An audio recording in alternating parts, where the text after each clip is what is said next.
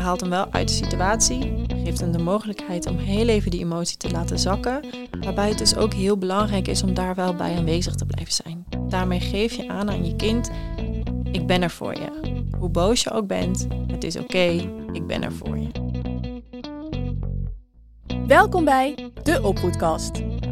De podcast over alles wat je als ouder van jonge kinderen wil weten. Want tijdens de opvoeding van die kleine loop je tegen van alles aan. En dan is het fijn om af en toe een pedagogische hulplijn te hebben. Hallo iedereen, fijn dat je weer luistert naar de Opvoedkast. Je hebt er vast wel eens van gehoord. Kinderen die even op de gang worden gezet of uh, moeten afkoelen op de trap of in de hoek. En dan nadenken over wat ze hebben gedaan. De time-out. Maar is dat wel effectief? Daar gaan we het vandaag eventjes over hebben. Hè? Daar duiken we dieper in, Janine. Zeker weten. Heb jij dat wel eens, uh, moest jij wel eens in de hoek staan thuis of op school? Nou, ik ging er dus in aanloop van deze uh, aflevering naar over nadenken. En ik kan het me dus eigenlijk niet zo voor de geest halen. Ik, uh, ik was best wel een beetje een braverik. Als in, ik deed ongetwijfeld dingen die niet, die niet mochten. maar ik, ik heb niet zo vaak in een gang gestaan of op de trap moeten zitten. Of dat, nee. dat was bij ons thuis niet zo. En ik wist ook wel, nee is nee. Dus ik hoefde ook niet dat te proberen. Dat was op een gegeven moment gewoon wel duidelijk. Ja. En jij, heb jij uh, dat soort herinneringen? Ja, ik werd wel eens uh, naar mijn kamer gestuurd uh, door mijn ouders. En um, ik heb ook, ook wel om daar bijvoorbeeld mijn bord leeg te eten. Oh, ja. ik, ik, sliep op zolder, dus ik heb ook wel eens de lasagne op het dak gegooid. maar goed, dat terzijde. Nee. nee, maar hoe dan ook, weet je, op mijn kamer kon ik natuurlijk gewoon gaan spelen. Mhm. En um, op zich vond ik dat niet niet echt een probleem. Maar het, ja, ik voelde me toch wel altijd een beetje afgewezen. Oh, ja. Of uh, ja, je weet gewoon dat je stout bent dan of zo. Ja. Stout doet. Ja. Nou ja, en het is grappig dat je dit zegt, want dat is eigenlijk precies ook de reden waarom een time-out eigenlijk niet het gewenste effect heeft. Uh, stel dat voorbeeld hè, van jij moest je bord leeg eten op zolder. Maar de lasagne is op het, uh, op het dak. Ja, dus wellicht heeft een time-out in die zin uh, korte termijn effect, want het gedonder aan tafel is even klaar. Maar het doel van je ouders is dat jij je bord leeg eet. En zij kunnen dat niet meer checken. Jij hebt daar alsnog lak aan gehad en je hebt die lasagne op het dak gegooid. Dus vaak zie je dat een time-out effect heeft op korte termijn, maar niet op lange termijn. Ja, uh, hoezo werkt dat dan niet op de lange termijn? Want het is, Weet je, kinderen doen niet expres stout om hun ouders te pesten. Dus wat maakt dan dat ze, dat ze tien minuten later datzelfde gedrag weer vertonen? Of dat ze het een week later opnieuw proberen? Ont onthouden ze het dan gewoon niet? Of snappen ze de grens of het nut van die grens niet? Is het gewoon puur ontdekken, grenzen verkennen, um, verleggen? Ja, nou, ongewenst gedrag komt altijd ergens vandaan. Het heeft een onderliggende reden. Uh, en dat is ook waarom een time-out in die zin niet werkt, omdat je die onderliggende reden niet aanpakt. En daarom blijft het gedrag zich herhalen. En uh, nu kan ik iedereen helpen om daar uh, uh, wat extra tips bij te geven, want vaak kun je ongewenst gedrag eigenlijk terugbrengen naar drie categorieën, zal ik het even zeggen. Ja, zodat je er dus achter kan komen waar het vandaan komt. Precies, ja. Oké. Okay. Eerste is dat een kind ergens behoefte aan heeft. Dus denk aan een ontwikkelingsbehoefte. Hij heeft niet genoeg uitdaging.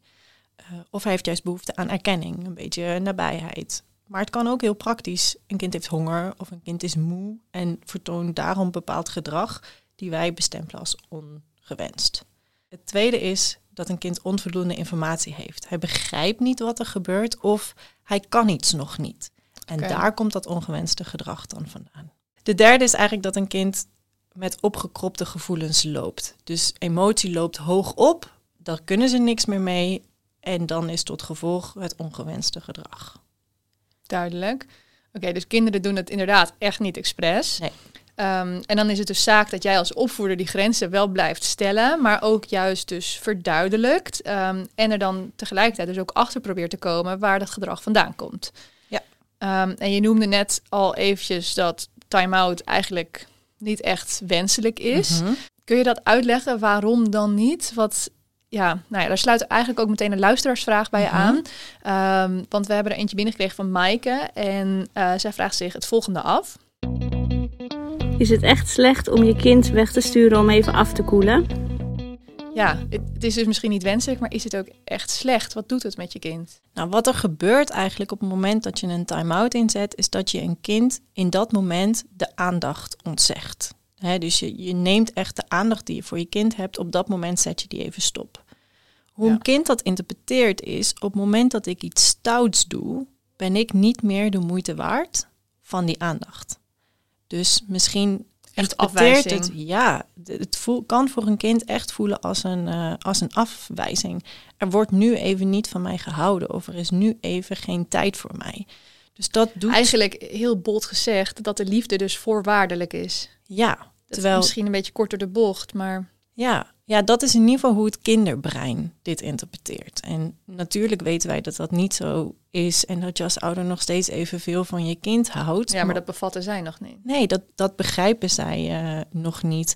Dus eh, dat maakt ook dat een time-out ook echt effect op het kind zelf kan hebben. En daarmee ook op de relatie die jij met je kind hebt. Op dat moment voelt dat kind zich ook even niet veilig bij jou, omdat die aandacht er niet is. Ja, en tegelijkertijd dus niet het effect wat je er wel mee wil hebben. Nee. eh, namelijk dat dat gedrag eh, en de oorzaak van dat gedrag. Ja, inderdaad. En dan heb ik het nog niet eens over de strijd die je met je kind hebt op het moment dat jij wil dat je kind op de trap blijft zitten en het kind denkt, die trap, die kan ik ook omhoog klimmen en hier heb ik het eigenlijk prima naar mijn zin. Om zo'n time-out voor elkaar te krijgen. Ja, dus dat levert ook wel vaak een strijd op. Ja, of ze maken er een spelletje van. Ja, en dat stuk heeft direct te maken met het feit dat een kind nog niet eh, volledig ontwikkeld is op moreel gebied. Dus die morele ontwikkeling ontstaat bij een kind gedurende de jaren. En als ik het dan heb over morele ontwikkeling, dan gaat het over het besef van goed en fout. En dat is ook waarom jonge kinderen vaak denken: joh, ik ga, ik ga er een spelletje van maken, want ze begrijpen niet dat bijvoorbeeld ze hebben met speelgoed gegooid en dat is de reden dat ze naar de gang moeten. Die link kan een kind op dat moment nog niet leggen. Zover is hij gewoon nog niet in zijn ontwikkeling. Nee, dus eigenlijk wil je daarmee zeggen dat ze nog niet voldoende moreel besef hebben. Of dat ze nog niet voldoende die oorzaak-gevolgconnectie Mhm. kunnen begrijpen. Ehm, nou, dan haal ik eigenlijk gelijk weer eventjes een andere luisteraarsvraag erbij. Want, want Jens Kiwi stelt ons via Instagram ook een vraag. Eh, zij zegt, vanaf welke leeftijd heeft het zin, zo'n time-out? En ja, dat, daar valt misschien ook wel iets over te zeggen. Ja, zeker. En dat heeft dus dan weer te maken met die morele ontwikkeling. Ik zei het al, die morele ontwikkeling die komt met de jaren. En ehm, nou, neem bijvoorbeeld een kind van anderhalf. Die kan wel zien dat iemand anders verdrietig is, maar hij begrijpt nog niet waar dat vandaan komt. De oorzaak voor hem is, is onbekend. En op het moment dat je kind Kan zich nog niet genoeg verplaatsen in de ander, Nee. omdat... eh, oké. Nee. En vanaf een jaar of twee kunnen kinderen dat wel opmerken, maar eh, is dat begrip er ook nog steeds niet, omdat ze het beleven vanuit hun eigen perspectief. Ik ben op dit moment niet verdrietig, dus waarom ben jij wel verdrietig? Ja. Dat is hoe dat plaatsvindt op dat moment in het hoofd van een kind. Nou, op het moment dat een kind rond het derde levensjaar is, dan eh, willen ze heel graag achter de reden van een bepaalde emotie van iemand anders komen. Niet om het te begrijpen, maar om het weg te nemen. Dus eigenlijk heel sociaal. Wat lief. Ja, echt heel lief. Ja. Ja, ze willen dat echt voorkomen en niet zozeer begrijpen. En vanaf een jaar of vier kunnen kinderen zich langzaam in een ander verplaatsen. Eh, dus ze begrijpen dat iemand anders andere emoties kan hebben dan dat hij zelf voelt. En pas na dit besef kunnen ze eigenlijk ook het verband gaan leggen dat dat misschien wel met henzelf te maken heeft. Of met Oh, het ja. gedrag wat ze hebben laten zien. Een kind van vier kan dus wel doorhebben dat hij iets fout gedaan heeft. Maar dat leidt hij af vanuit de reactie die hij krijgt van de mensen om hem heen. Dus vanuit de natuurlijke consequenties of de reactie van een volwassene om hem heen. Dat maakt dat hij weet het is fout. En dus niet vanuit het begrip van goed en fout. Dat is Ja. er nog niet op een leeftijd van vier jaar. Eigenlijk bevestigt dit dus ook allemaal waarom een time-out niet effectief is voor het doel wat je wil bereiken. In ieder geval tot die vier jaar. Ja. Maar vanaf wanneer is het dan wel effectief? Ja, daarmee moeten we eigenlijk de, de lijn nog een beetje verder doortrekken. Want ehm, tussen vier en zeven zie je dat kinderen wel bepaald gedrag gaan vermijden. Maar dat doen ze omdat ze de consequentie niet willen ervaren. Dus ze willen Ze weten wat de regeltjes zijn. Ja, en door eventueel te voorkomen dat ze een consequentie krijgen, laten ze bepaald gedrag niet zien. Maar dat is nog niet intrinsiek. Dus dat is niet omdat ze het begrijpen of omdat ze het zelf niet meer willen doen.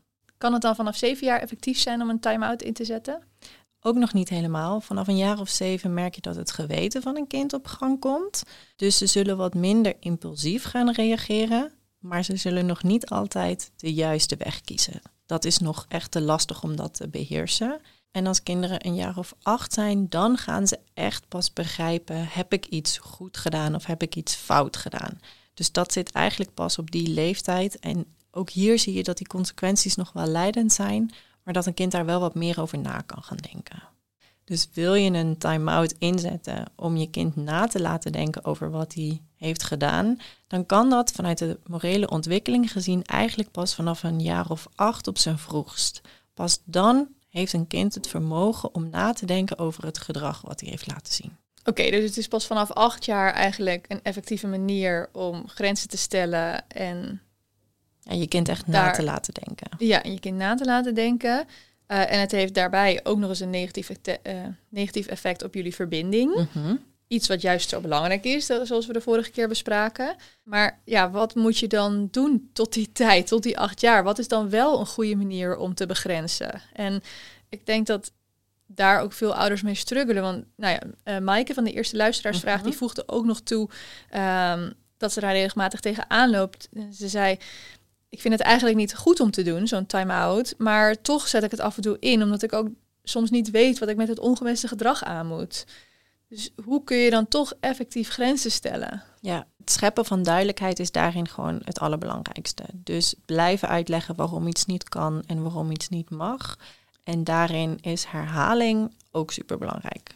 Is het dan echt nodig om je kind altijd maar uit te leggen ehm, ja, waarom iets wel of niet de bedoeling is? Ja, in, in die zin wel. Je hoeft niet alle details te vertellen en dat kan ook gewoon heel kort en bondig zijn. Ik wil niet dat je me slaat, want slaan doet pijn. Maar blijf het wel herhalen. We slaan niet. Want soms zal je dingen wel dertig keer uit moeten leggen voordat een kind er nog maar een beetje naar gaat luisteren of naar gaat handelen. Ja, volgens mij heb ik vroeger op de groep ook wel geleerd dat het voor kinderen ieder moment eigenlijk weer een compleet nieuwe situatie is. Weet je, als, als ze weer op een andere plek zijn, maar ook op dezelfde plek met een andere persoon. Of als er bijvoorbeeld ineens visite is. Als het een compleet andere nieuwe situatie is, dan is het natuurlijk ook mogelijk dat de grenzen volledig anders zijn. Ja, en het is heel grappig dat je dit ook, ook aanhaalt, want een kind zal grenzen blijven testen zolang die speling voelt. Dus op het moment dat een kind doorheeft, er is ruimte en er zit misschien wel een mogelijkheid dat die grens toch gaat veranderen, dan zullen ze blijven testen. En dan zul je dus misschien ook nog wel die 31ste keer nog een keer moeten zeggen. Ah ja. Ja, dus eigenlijk is het heel logisch dat als je thuis bepaalde regels hebt en je hebt een keertje visite en je denkt, oh, voor mijn kind is het ook een feest, dat mag dit keer wel, of ik laat er eventjes mhm. of wat dan ook. Uh, dan is het juist verwarrend voor je kind. Ja, want en dan, dan voelen ze dus die ruimte en gaan ze uitsloven of wat dan ook. Ja, ja, want dan denkt een kind ook de volgende keer, hey, de vorige keer mocht het wel, dus er is nog winst te behalen. Ja. Ik ga het nog een keer proberen. Ja. ja. En naast je te beseffen dat een kind het dus niet expres doet, is het je ook goed om je te realiseren dat zo'n moment van begrenzing voor kinderen ook heel heftig kan zijn. Uh, je zal ook vaak zien dat kinderen heel heftig emotioneel reageren op een begrenzing. Ze worden heel verdrietig of ze worden heel boos. En dat is ook wat het met kinderen doet. Het vraagt veel energie van ze. Het is heel intensief. Dus je kind kan ook pas naar je luisteren op het moment dat die energie weer gezakt is. Dus je kan wel op het toppen van die boosheid dingen willen zeggen. Niet door. Nee, hij hoort je niet eens. Dus laat hem dan maar heel eventjes afkoelen. Is het dan ook belangrijk om je kind dus wel uit de situatie te halen? Want dat is natuurlijk ook wel een beetje wat je met een time-out doet. Maar dat hoeft dus niet in een andere ruimte te zijn. Dat kan ook in dezelfde ruimte een meter verderop zijn. Dus je haalt hem wel uit de situatie, geeft hem de mogelijkheid om heel even die emotie te laten zakken. Waarbij het dus ook heel belangrijk is om daar wel bij aanwezig te blijven zijn. Daarmee geef je aan aan je kind, ik ben er voor je. Hoe boos je ook bent, het is oké, ik ben er voor je. Ja, juist die momenten kun je eigenlijk pakken om te laten zien wat die onvoorwaardelijke liefde is. Ja. Ja, dus eigenlijk een time with in plaats van een time out.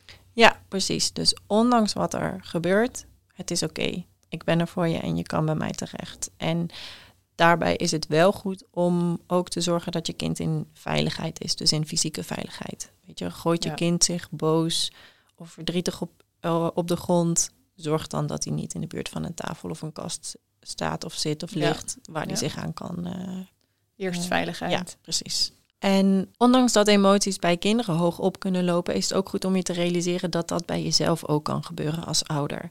Jij kan ook ontzettend boos worden of je geduld verliezen. Dat is oké, dat hoort erbij. Zoek daar dan ook zelf de rust voor op. Dus Ja, loop dan je zelf. partner er even bij. Of- Precies, ja. Zorg dat je zelf tot rust kan komen. Zorg dat er iemand anders voor je kind kan zorgen. Want eigenlijk pas vanaf het moment dat je zelf rustig bent, kun je ook goed reageren op je kind. We hebben nog een laatste luisteraarsvraag van Lisette. Die pak ik er graag even bij. Zij zegt, opa en oma willen een strafhoekje hanteren tijdens het logeren. Hoe overtuig ik ze dat niet te doen? Ja, ja, dat is- blijft altijd een lastig ding hè, om iemand anders dan van jouw opvoedstijl eh, ja, te overtuigen. ja dat, is, eh, dat is heel interessant. En daarbij zou ik vooral Lisette mee willen geven. eh, zorg dat je je ouders eh, de juiste informatie geeft. Nou, laat ze bijvoorbeeld deze podcast luisteren. Ehm, nee, maar informeer ze. Vertel ze waarom jij dit niet wilt. Vraag ook waarom zij dit wel willen. Want dat is ook goed om naar elkaar te luisteren. En kijk of je vervolgens tot een compromis kan komen waar iedereen zich oké bij voelt. In ieder geval het gesprek erover openbreken. Ja. Is er nog iets wat je kwijt wil als laatste? Ik stipte het net al even aan. Boos zijn mag, zowel voor je kind als ook voor jezelf. Maar zorg dat je in ieder geval altijd de relatie met je kind herstelt. Ehm, een gezegde is: ga nooit met ruzie naar bed. Ik denk dat dat ook geldt tussen ouder en kind. Maak het altijd even goed. Nou, daar houden we weer bij voor dit keer. Ja. Dankjewel voor het luisteren. En mocht je zelf een vraag hebben, dan kan je die sturen naar podcast.companany.nl. En we hopen dat je er volgende keer weer bij bent. Tot dan!